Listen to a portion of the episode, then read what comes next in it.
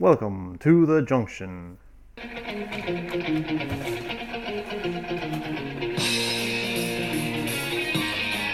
This is the XFL.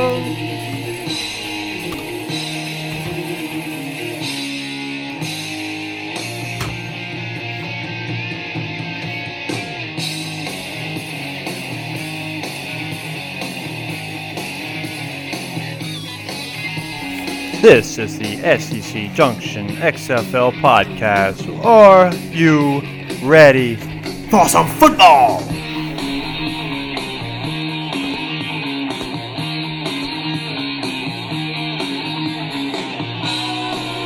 Texas, the eyes of the XFL are upon you. This is the Renegade and Roughneck preseason preview part two. Welcome, welcome, welcome. Welcome to the podcast, all you people. We're gonna get offensive if you are a roughneck, and we're gonna get pretty defensive if you're a renegade fan. This is the Dane Man, the Swamp Dane, with you today, and once again on the SEC Junction XFL podcast. I hope you've been reviewing and rating like crazy. We will just love it. Love it, love it, love it, love it. Love it on Mondays, love it on Tuesdays, love it on the everydays, love it on the everydays. That is not the other days, but every days. Every day available. Just love it, and we love you too out there. We are just moving right along with this preseason preview of the Roughnecks and Renegades roster. And as if you recall, and you heard the last episode, part one, it was the offense versus the defense. It was that last time it was the offense of the Renegades, led by Landry Jones, and the running back Cameron Artis Payne, and wide receivers Jeff Badet and Jazz Ferguson.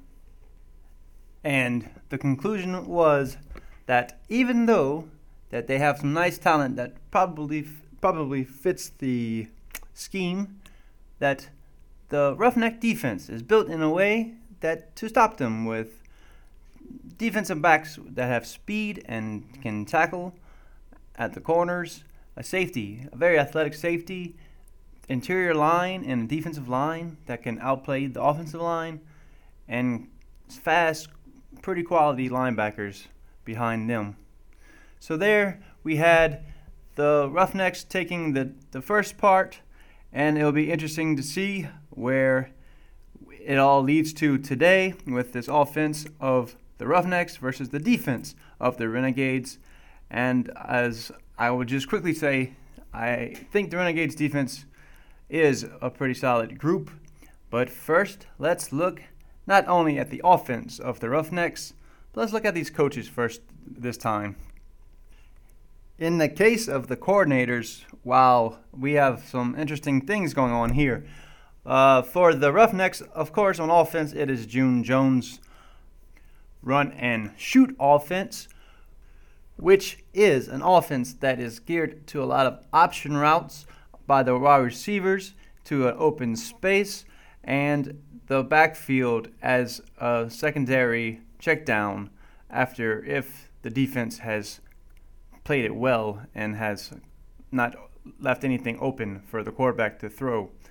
So that's the run, uh, run and shoot offense by June Jones, and he hired former NFL quarterback Chris Miller. Now Chris Miller, I'll say I know him well. He used to always be my favorite, one of my favorite cards for the Atlantic Fal- Atlanta Falcons, and um, yeah. So Chris Miller has an interesting coaching track.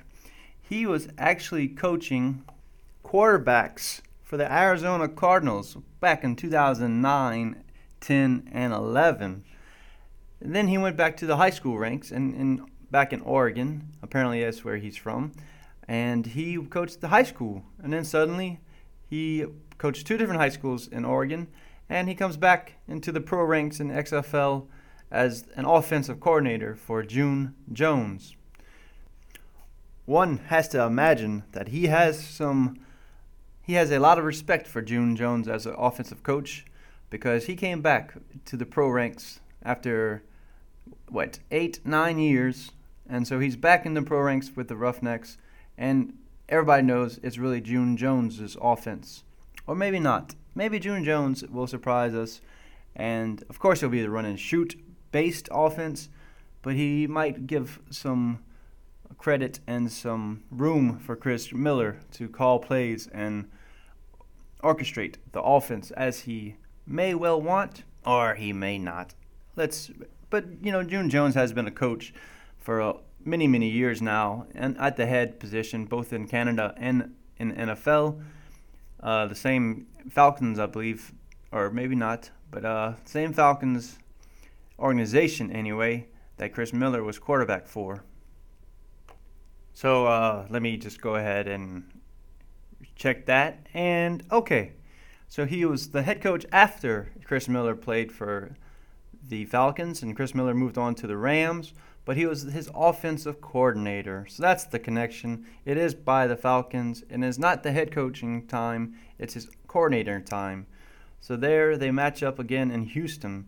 And uh, I'm sure they have a good working relationship and respect each other to a large degree for him to drop his career as a high school coach in Oregon to come to the XFL under his June Jones's new tutelage as the Houston Roughneck head coach. But just as interesting as that is, we look on the other side and what do you know? Bob Stoops has an Oklahoma connection higher.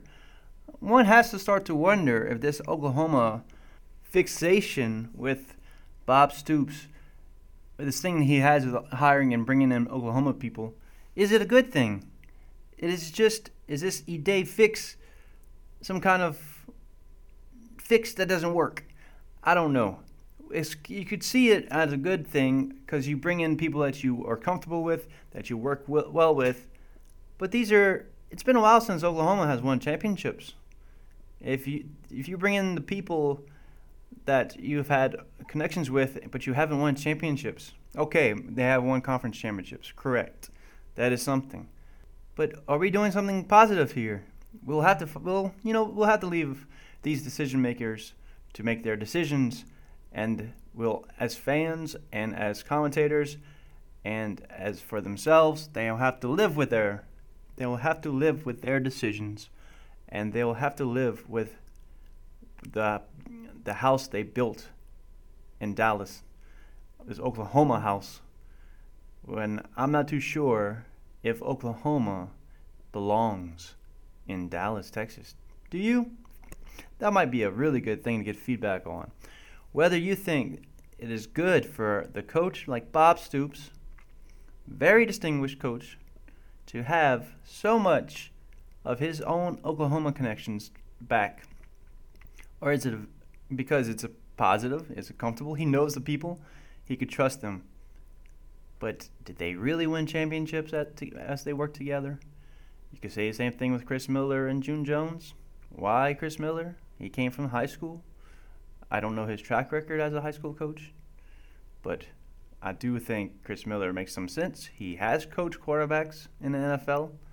He is he has had a career as a quarterback in the NFL he is probably you know this would be exciting if Chris Miller really launches launches from this uh, this league high school coach connects with June Jones and then you see the Roughnecks just explode. That would be amazing actually. But back to this defensive coordinator who I actually never even named yet. Uh, his name, by the way, is Chris Woods. He has been uh, a defensive specialist with Oklahoma. Uh, just three, four years ago. In 2018, he left Oklahoma as a, an analyst, a specialist, and he went to Texas State to be defensive coordinator and linebacker, inside linebackers coach. And then he, then they must have had a, a change of coaching staff at Texas State, and he became interim coach. But, but before that, he only coached some junior colleges in Mississippi, and so Chris Woods. Let me backtrack has been in coaching for about 25 years, uh, 26 years, and seven seasons as a head coach and 14 as a defensive specialist or coordinator. he uh, he came. His last stint was with Texas State after he was with Oklahoma, where he started in 2015. He also had been the community college coach in Mississippi and uh, Columbia, Harvard, Bryant, and Manfield, Stonehill College. So he has extensive coaching experience, but on a rather small level. He got hired by he got hired as a specialist by Stoops. Must have made it must have made an impression. Got hired as a defense coordinator at Texas State. Um, so yeah, that's an interesting hire. Just and I suppose he he never was Stoops' coordinator himself. He never has been a coordinator at a large level. The largest is Texas State Bobcats, the only division, a very small Division One school. So, which only started the program some years ago, as I recollect. So, I do feel there are some intriguing storylines there for the two coordinators, both both Chris's, Chris Miller and Chris Woods.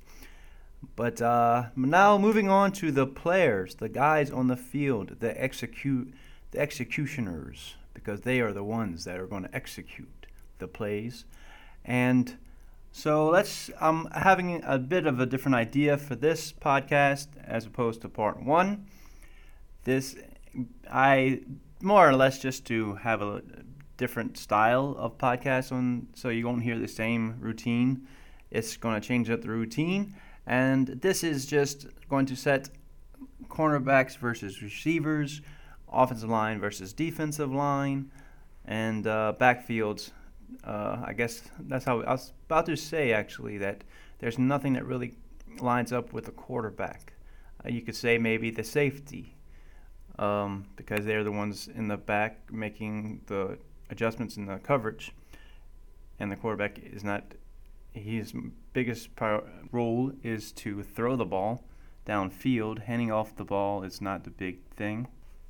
Any old veteran quarterback or high school quarterback could hand the ball off to a professional running back, but throwing the ball in coverage would be kind of the game between the safety and the quarterback, of course.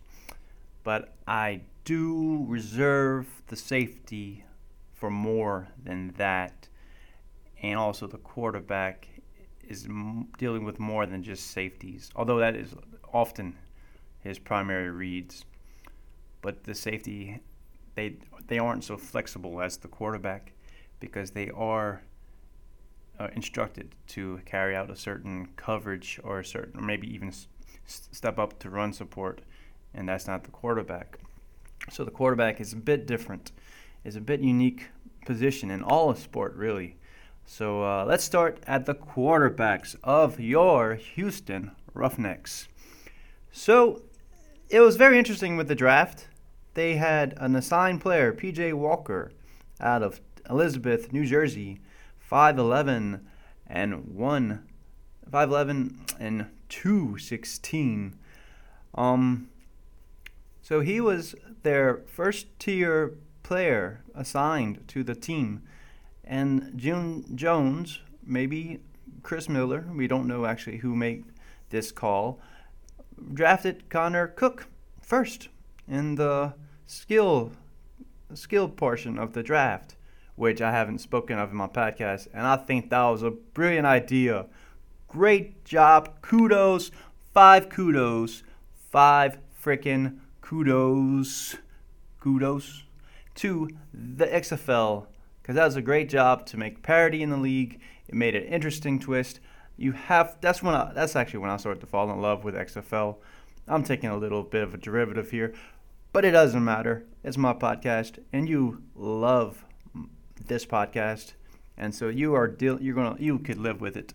But anyhow, back to the the first one, and then I'm going to digress again. But um so yeah, the draft and the XFL, they've just been so smart and so interesting.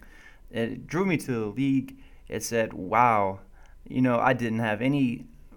I had very, very minute interest in the AAF. I saw some of the games. I was more interested in to know how my favorite players, mostly from LSU, but also the SEC, um, were, were doing."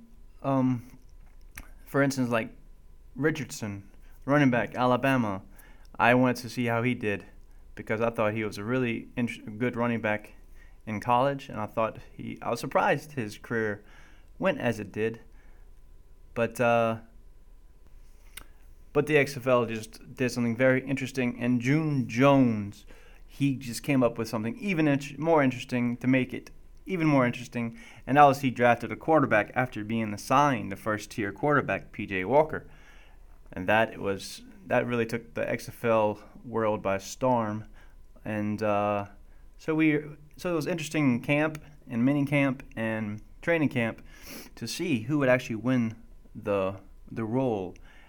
Whispers are that PJ Walker is the starting quarterback after all, but many people had Connor Cook really establishing himself pretty well in camp, but apparently not enough. Maybe it's just the X factor of Walker's speed versus Connor's immobility in the pocket. That could be what was the last choice. Maybe they felt they had two quality quarterbacks and only one of them had a real difference. Something that made a difference was his feet, and that makes perfect sense actually. But still, just having a little here and there with some of the local media, I am assured that Connor Cook will play this year and he will get his snaps.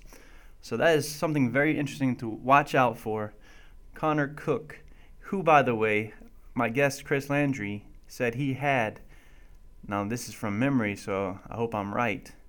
Second rounder, I believe. Second round quarterback, Connor Cook if if you would say that the quarterback has a adversarial position on the defense, it is not a player, maybe. Well, we talked about the safety, but maybe it's the, after all, the defensive coordinator, Chris Woods, who would have to try to limit the quarterback's abilities as much as possible with his play calling. But we have already discussed Chris Woods and Bob Stoops, of course, is a defensive coordinator or coach himself. So we'll see. That'll be an interesting matchup, the coaches versus the quarterback. But uh, let's start our matchups, and the matchup that we will first start with is the receivers and tight ends versus the Dallas Renegades secondary, both safeties and cornerbacks, as discussed see the tight ends could actually be matched up with the safeties. And I think that's probably more of a matchup than the quarterback because when the safety comes for run support, it's the tight end that will probably have a good chance to be the one that blocks the safety. And then if the safety, if the tight end goes out to to a, route, so it's a safety that could be the one who has to cover the tight end. So the t- tight ends and safeties actually match up much better than a safety quarterback as I just have come to the thought. Is that as that is good. That's good. So wide receivers.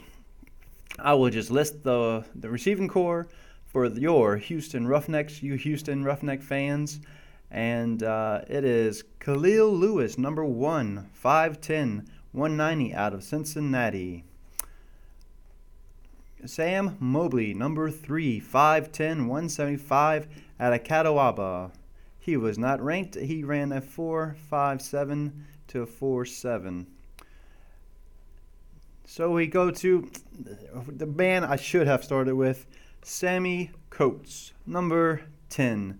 This is the guy that we're going to see. The Renegades have Auburn alum Cameron Artis Payne, and Roughneck says, check that. We have Sammy Coates, wide receiver, 6'1, 210, Auburn, 443. He has the traits, people. He's got the great traits for a wide receiver. He's had some time in the NFL. Then we have wide receiver number 13. I'm just going down the roster by by number. This is the this is the order, by the way. He was not list, he was not ranked as a prospect so high. Ray Bolden, wide receiver, 5'11", 165 out of Stony Brook. You see that they're they have a lot of smaller guys in this core. Cam Phillips, number 14, he was he had his NFL scout score at the at the draft as 4.9, so that's quite quite low. Six feet 201, Virginia Tech. Then you have Louisiana Lafayette, a raging Cajun, but he is not from Louisiana. Then Texas native Raheem Malone, 5'10, 187. He ran a 4.546, but he was a return specialist at ULL. Um, but he ran a 4 5. Then we have Blake Jackson, 5'11, 200. Mary Hardin Baylor. No, Texas fans, not Baylor from Waco. He's not a Waco bear. No, he's a Ma- Mary Hardin Baylor alum.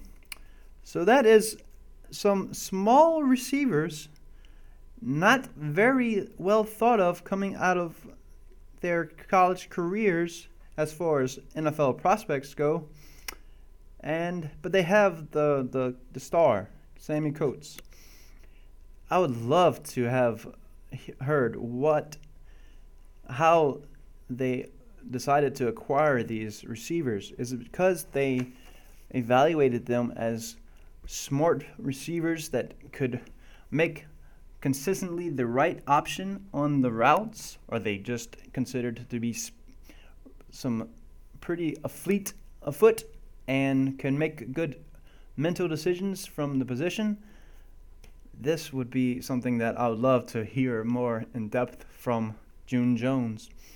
But just the look of it, it does not seem rather strong, I must say.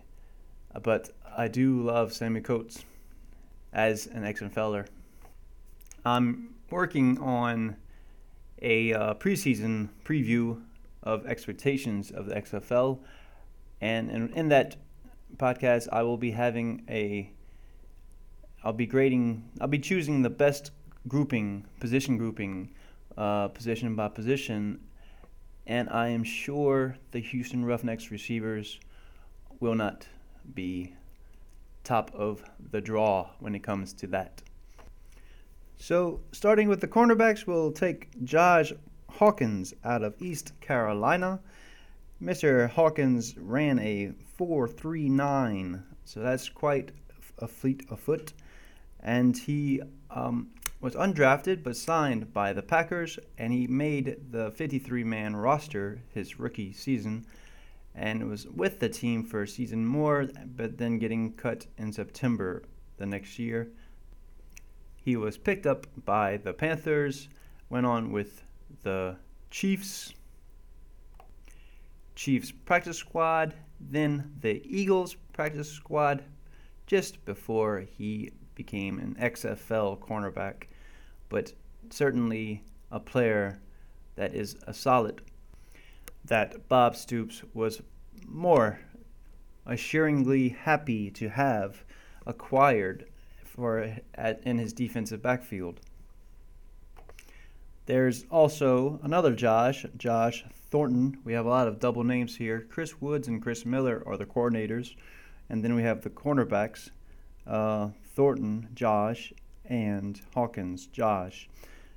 Josh Thornton is 27 years old, 5'11, ran a 4.42.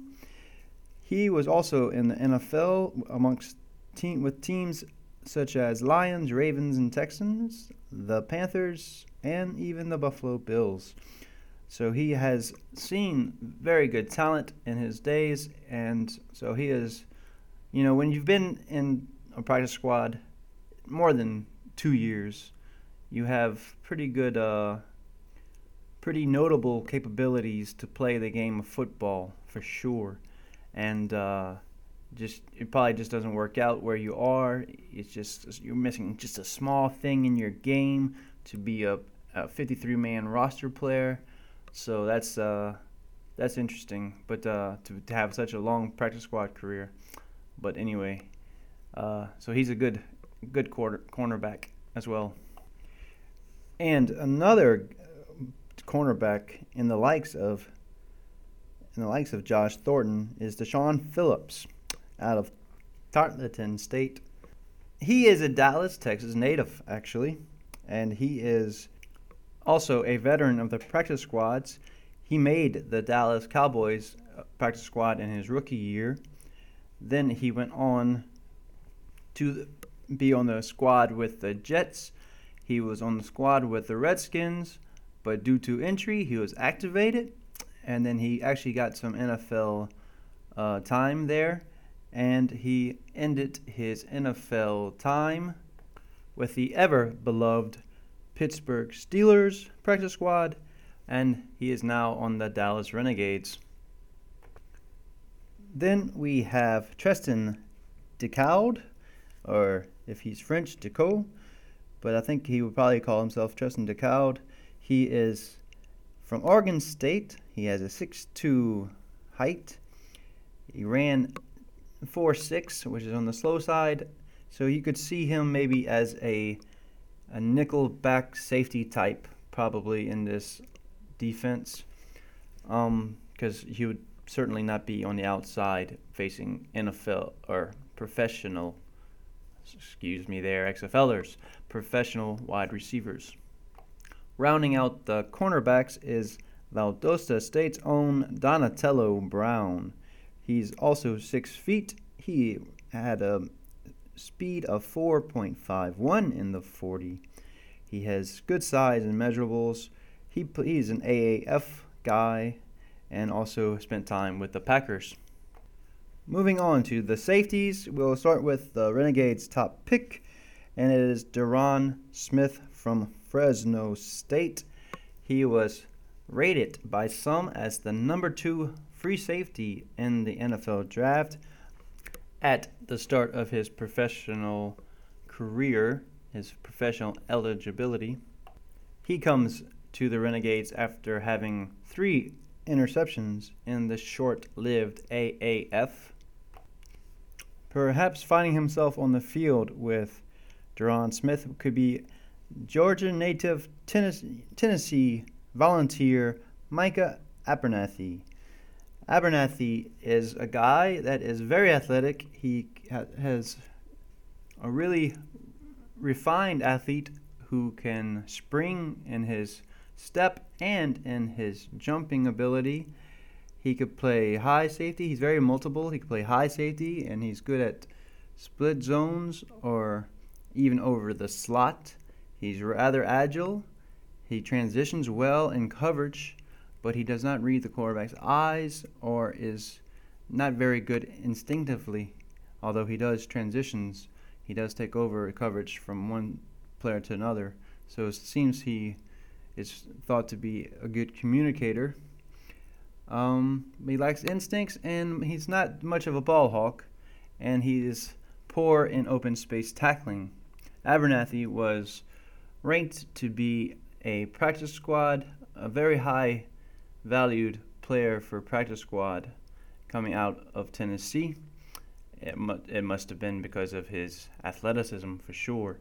But he is a nice XFL prospect. If he could just develop, this is the, this is what this league is here for, for players like Abernathy to to grow a little bit in their game and their talent and really prevail, have a great career by doing so. Also playing safety, although he played cornerback with the Chicago Bears, is Doyin Jibowu. He um, he is from a very small place I've never heard of at his university, Fort Hays State. I suppose it's by Fort Hays. And you know, but he made the NFL practice squads with the Bears. So that is another player.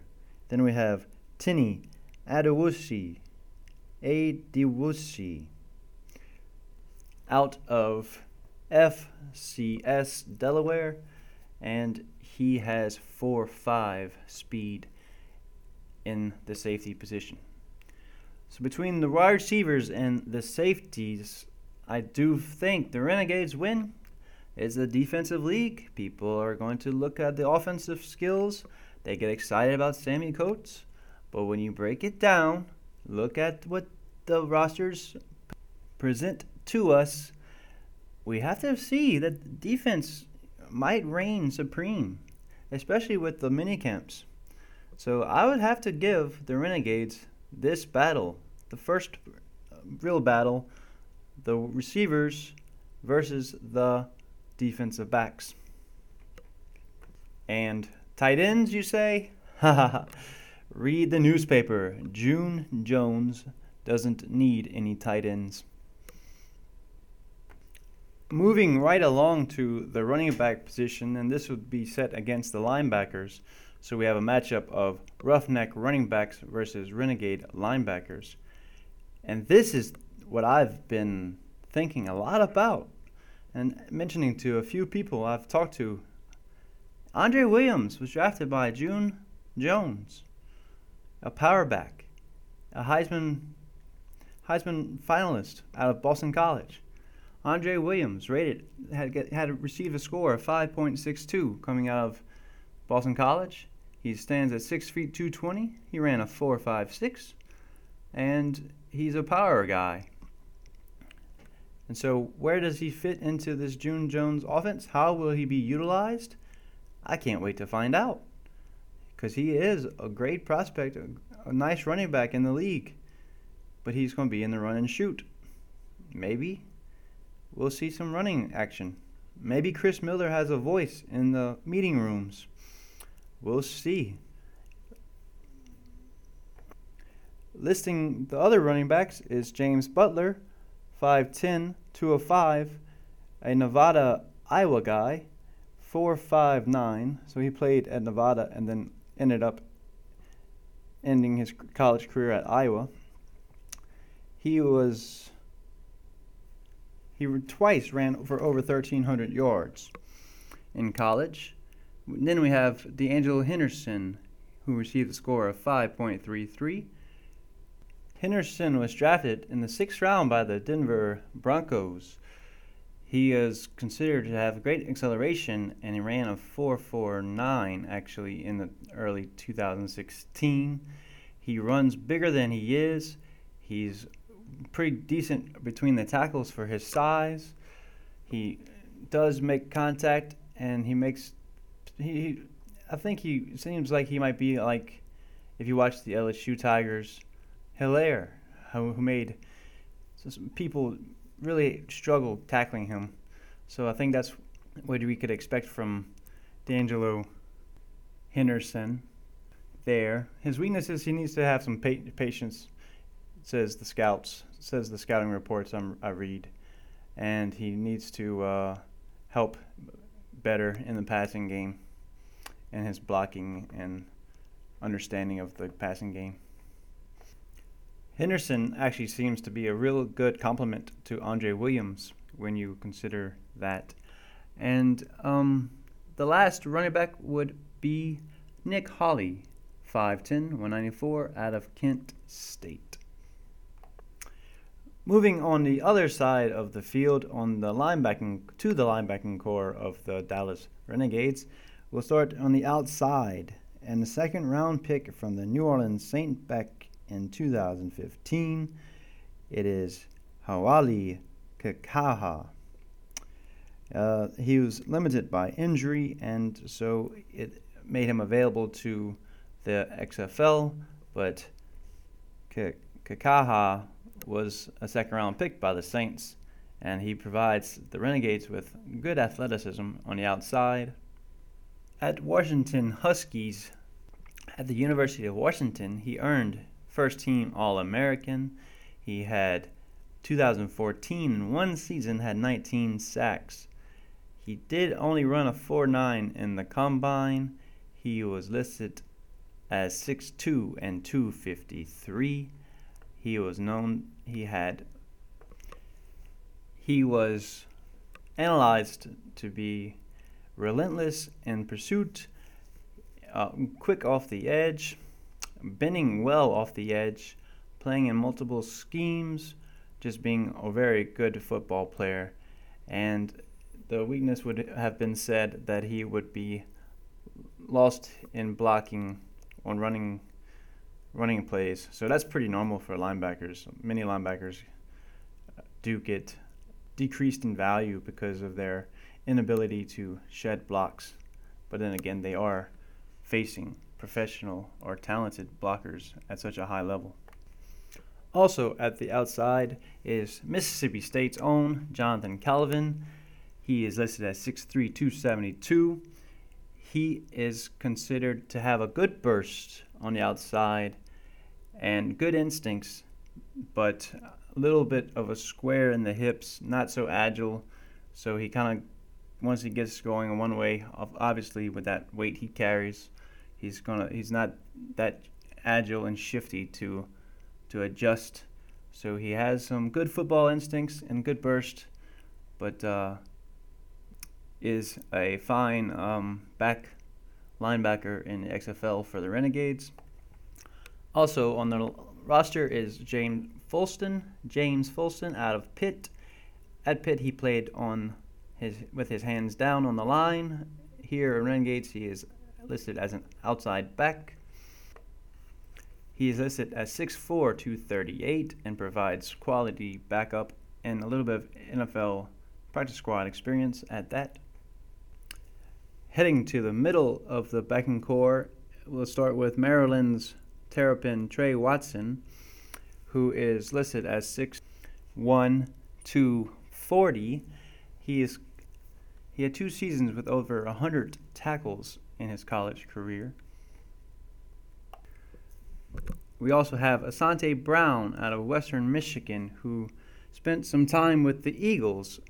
He uh, he's very fast. He ran a 4.59, and his time with the Eagles, he was pretty uh, pretty well liked, but he just couldn't stay stay on the roster, and now he's in the XFL. But he is a player to uh, to note as a pretty good NFL talent on his backing core. Then we have Ohio native Indiana Hoosier Tegray Scales, who had a very, very productive college career. Spent spent two years in practice squads amongst the Steelers, the Horseshoe Colts, and the Horned Rams. So he is also a pretty productive college player that made the practice squads, and um, so yeah, he's also has some NFL, some time in the NFL anyway. Yet another NFL guy was Rashard Cleat from South Florida, six rounder from Houston. He ran a 4 5 and he could jump. He brings speed and instincts to the defense and coverage he is a nice player for coverage linebacking. He wears number 50 for the Renegades. And with linebacker Ray Ray Davison out of California, you'll see the same kind of profile with speed, with lots of tackles in college, speed with four, five, six speed. That would be, and two two years with the Kansas City Chiefs. So you see they have a lot of depth they have a lot of equal quality resumes and so they they really provide this core pretty strongly with some nice prospects. Then you have a guy like Greer Martini who played at the University of Notre Dame. He played he's accredited for playing in 50 games at Notre Dame and he provided the uh, Fighting Irish with 190 tackles in his career. So he played a lot of big time football at Notre Dame. Did not really garner a lot of attention from the NFL, but he is certainly a player that is a nice player to have on the roster for the Renegades. Evaluating the running backs versus linebackers here, I have to give it to once again, the defense. This is because Andre Williams is a fine, fine back, I'm sure, and I'm excited to see how he is used. But I just don't really, I'm not sold that he is the run and shoot running back that June Jones has a need for. And I think the linebackers are pro- providing great skill, speed, tackling ability, instincts that this defense is going to swarm a back like Andre Williams. and I'm not sure there's much else on the roster at, at back. I do like D'Angelo Henderson's profile as a player that can muster some yards after contact, but not enough to to win the one versus one matchup here today. We are going to move further on and on the lines, Houston Roughnecks, it's going just down the, the numeral roster. Tejan Koroma from Brigham Young, 6'1, 300. Toby Weathersby, LSU, 6'5, 315. He, at the combine, he bench pressed uh, 28 times, which was pretty strong, pretty strong performance.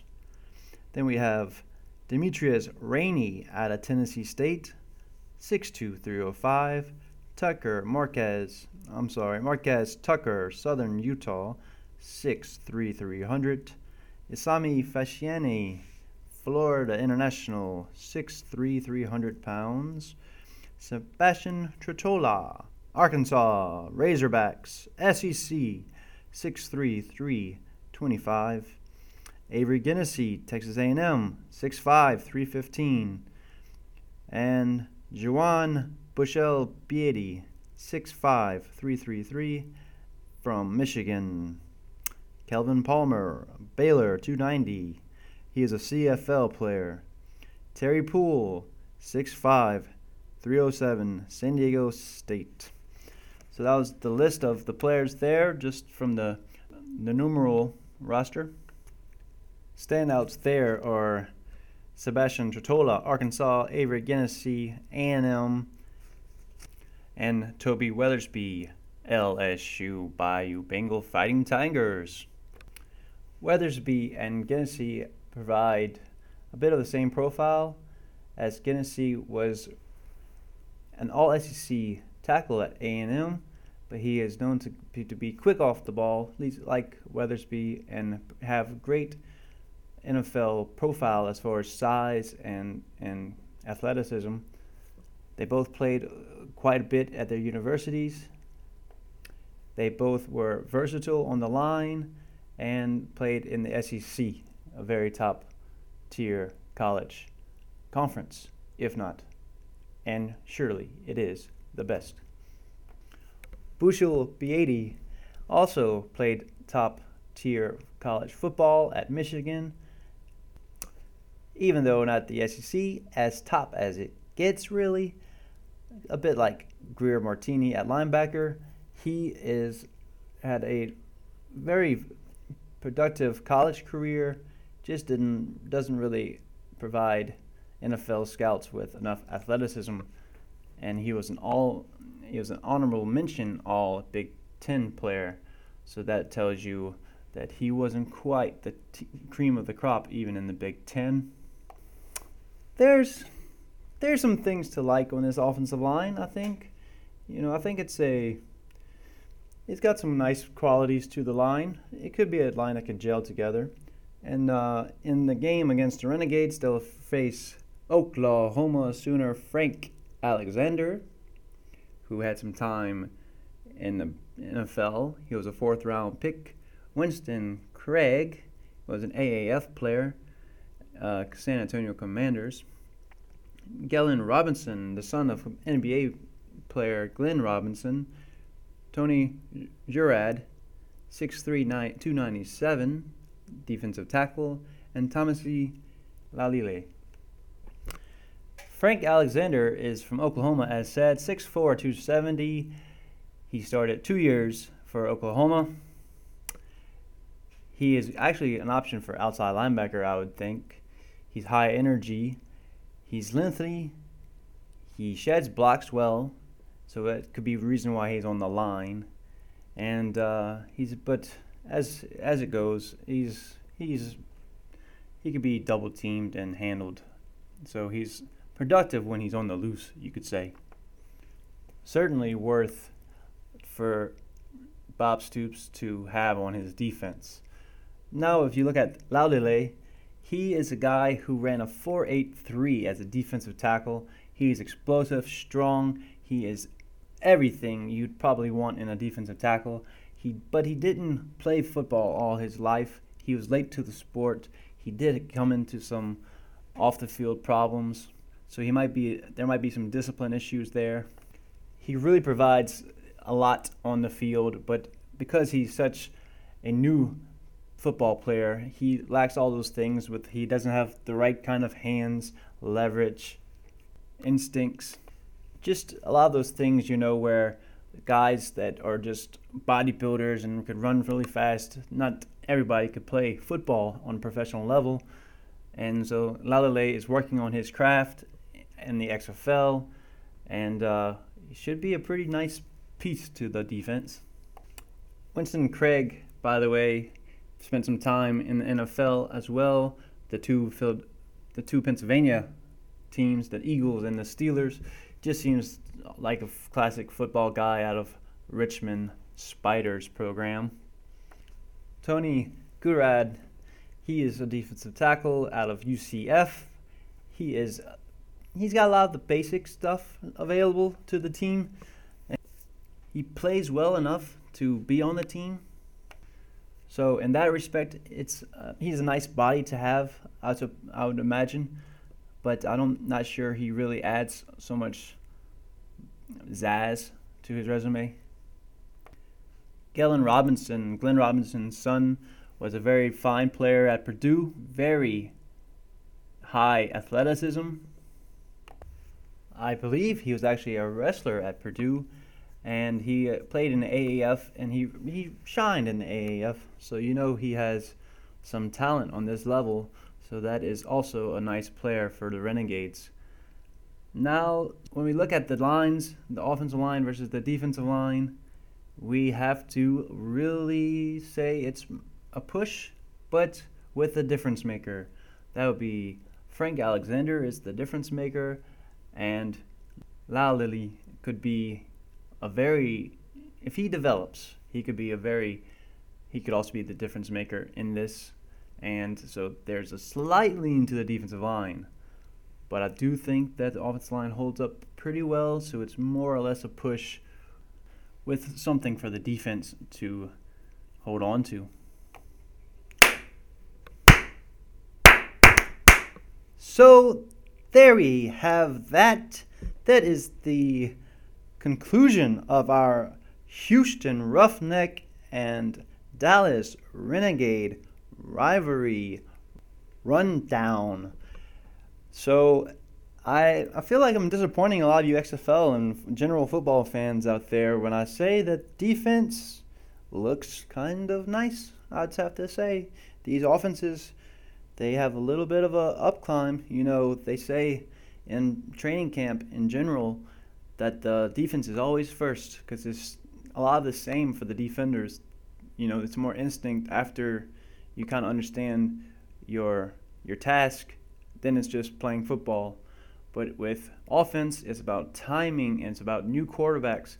You see, there's the new quarterback, so the receivers have to learn his throw, his preferences, his tendencies. But with defense, it is a lot of the same. And, uh, you know, so defense does have an advantage in general, especially at the start of the season. But this is not the start of a season evaluation, but still, the XFL has to have enough time for these offenses to work itself out, and they are facing professional football players on the defensive side. And then you look at the talent level. Yes, you have Sammy Coates. I'm going to love watching Sammy Coates. But can defenses neutralize him, double cover him, take him away from them as an option and really succeed as a defense? It's likely. I like this talent on the defense for the Renegades. I like I liked the talent for the Roughnecks versus the Renegades offense.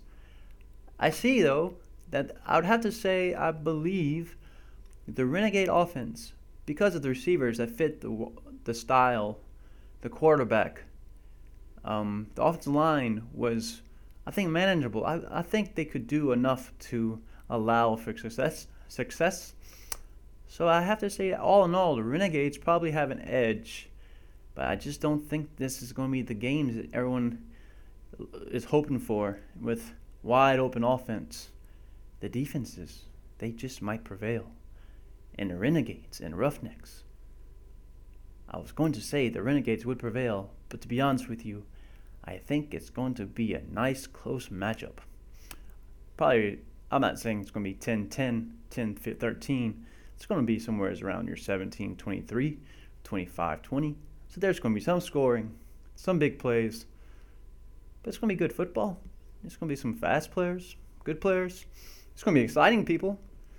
This is going to be an exciting rivalry, and welcome to the SEC Junction XFL podcast.